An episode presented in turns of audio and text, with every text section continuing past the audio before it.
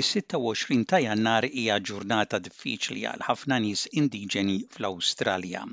Hija ġurnata li tfakkarhom fil-vjolenza u l-qerda tal-kultura tagħhom. Għal oħrajn, l-Australia Day, Jum l-Awstralja, li tkun iċċelebrata fis-26 ta' Jannar hija ġurnata ta' ċelebrazzjoni.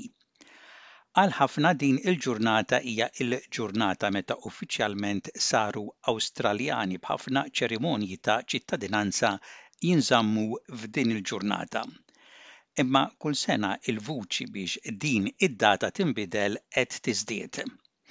Naraw għaliex tkun ħaġa pożittiva għal l-Awstraljani migranti li jkunu ħbieb ta' l-Awstraljani indiġeni u kemm huwa importanti li dan ikun f'ġurnata bħas-26 ta' Jannar.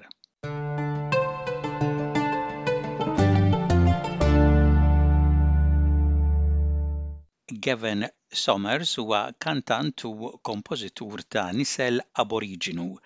Huwa jgħid li huwa importanti għall-poplu Aboriġinu u partikolarment għall-Awstraljani minn sfond ta' migranti li jkunu jistgħu jifhmu verament l-istorja u t-taqbida tal-poplu Aboriġinu.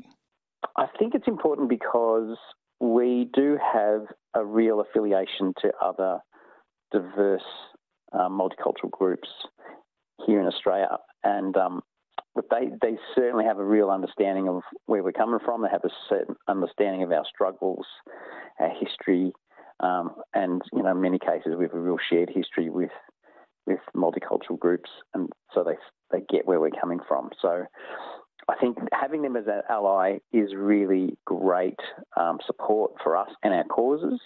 Um, but having any allies as well is is is important too, because I think you know for us um, as Aboriginal people, it's it's what people need to recognise that we are Australia's first peoples, and and we you know we we have a place here that's central Angelika Panopoulos, is-Sindku tal-Kunsill tas-City ta' Meribek tara ħafna aspetti komuni tal-istorja ta' l-Aboriġini u Torres Strait Islander u l-migranti. I think that at its core it's about human rights and it's about empathy and it's about looking out for one another as people. For many of us with multicultural backgrounds or if you know you yourself are a migrant or the child of a migrant, I think you know, we've got a lot of, I guess, dispossession in our family history. So, you know, my grandparents came to Australia from Greece following the Civil War. And before them, on my maternal grandmother's side, they were refugees from what was then Asia Minor. So, a lot of it's also about looking back into your own family history and seeing that we've got a lot in common with each other. Um, ultimately, you know, we're all guests in this country and it belongs to our First Nations people and it's been their home for over 60,000 years. Ħafna komunitajiet issa jsejħu l-Awstralja darhom. Iċ-ċensiment tas-sena 2021 juri li aktar minn 7 miljun persuna twildu barra l-Awstralja. Dan jeskludi lil dawk li ma qalux fejn twildu. Hemm ħafna vantaġġi għal pajjiż bħall-Awstralja b'nazzjon b'tant nies diversi. Vazan Sreenivazan qiegħed fuq il-bord tal-Fondazzjoni tas-Saħħa Mentali fl-Awstralja u Chairperson tat-Trust ta' Karità tal-Komunità Indjana fl-Awstralja. Huwa jgħid li naħdmu flimkien huwa l-qofol tas-suċċess tagħna fl-Awstralja.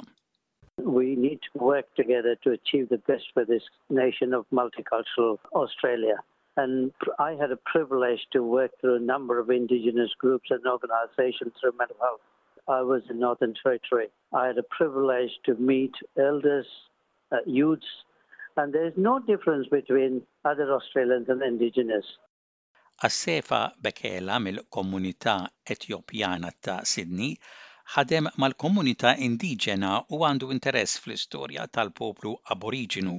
Huwa jgħid li huwa importanti li jkun ikkultivat sens ta' partenza ta' komunità jew nazzjon.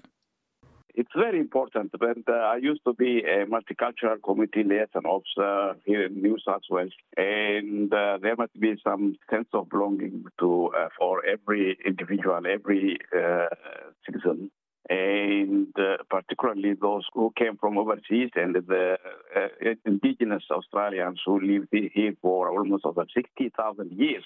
and uh, uh, you know uh, they they share, it's better to share history, culture, and everything, and really develop the sense of belonging and togetherness. Bħalissa, Jum l-Awstralja ikun iċċelebrat fis-26 ta' Jannar. Hija ġurnata ta' kunċerti, diskorsi ta' l-okkażjoni, barbecues, simboli nazzjonali u l-ġurnata li uffiċjalment ittemm il-break tas-sajf. Imma mhux dejjem kienet ġurnata hekk. Id-data taċ-ċelebrazzjoni ta' Jum l-Awstralja inbidlet aktar minn darba. Kienet iċċelebrata fi ġranet u f'xhur differenti fi stati differenti wkoll. Il-ġurnata preżenti li fiha Jum l-Awstralja jkun iċċelebrat fis-26 ta' Jannar bdiet mill-1994 u saret ġurnata li bdiet tqajjem ħafna protesti. Il-poplu indiġenu u n-numru jikber ta' ħbieb tagħhom qegħdin jitolbu li din id-data tinbidel. Huma jgħidu li s-26 ta' Jannar tfakkar ġurnata li biddlet il-ħajjiet tal-poplu indiġenu għal dejjem u mhux għall-aħjar. Il-Kunsillier Angelika Panopoulos taqbel li l-ġurnata tas-26 ta' Jannar mhix il-ġurnata adattata għal ċelebrazzjoni bħal din. We've heard that January 26 it represents a day of mourning and survival and invasion. And It is the day that Captain Arthur Phillip came to Australia, or he arrived in 1788, and that really began the dispossession and genocide that we've seen in this country. And this day is incredibly important because it, it marks the day when it all began. And the fact is, we've still got huge issues with intergenerational trauma, systemic racism, and like huge issues in the criminal justice system. as well that are legacies from this. And so that's why it's really important that we listen when we're told by First Nations people that January 26 is not a day to celebrate. We should just listen to them on that one. Il-kantant u kompożitur Aboriġinu Gavin Somers jagħraf l-importanza li jkun hemm ġurnata biex l-Awstralja tkun iċċelebrata bħala nazzjon u li tkun Awstraljan. Madankollu huwa jgħid li d-data għandha tkun waħda adattata għal kulħadd. It's really important on January 26 because it's a real day of identity for Australia. For us as Aboriginal people it is it's a conflicting day because you know we do want to celebrate being part of Australia's identity. We you know we are in the fabric of that, but the date is wrong. It is just completely wrong, and you know we need to be able to have a date that we can celebrate proudly um, alongside you know, our allies who are other multicultural um, groups who live here too, but um, yeah, it's important that we sort of get together and actually celebrate this day uh, on, on a date that we can actually all identify with. Allura min għandu jiddeċidi jekk id-data tas-26 ta' Jannar għandix tinbidel. Vazan Srinivazan, li ħadem ma' ħafna gruppi indiġeni jgħid li jara l-futur fil-ġenerazzjonijiet li jmiss. Skont hu, huma għandhom jiddeċiedu jekk din id-data għandhiex tinbidel jew le. My way of looking at it, I know this is, there's quite a lot of debate going on in relation to 26 January. Uh, my view, the next generation should have the voice on that. Whatever they prefer between 16 to 30, they are going to rule the nation in the future. If they think that there should be a change, I'm happy to support.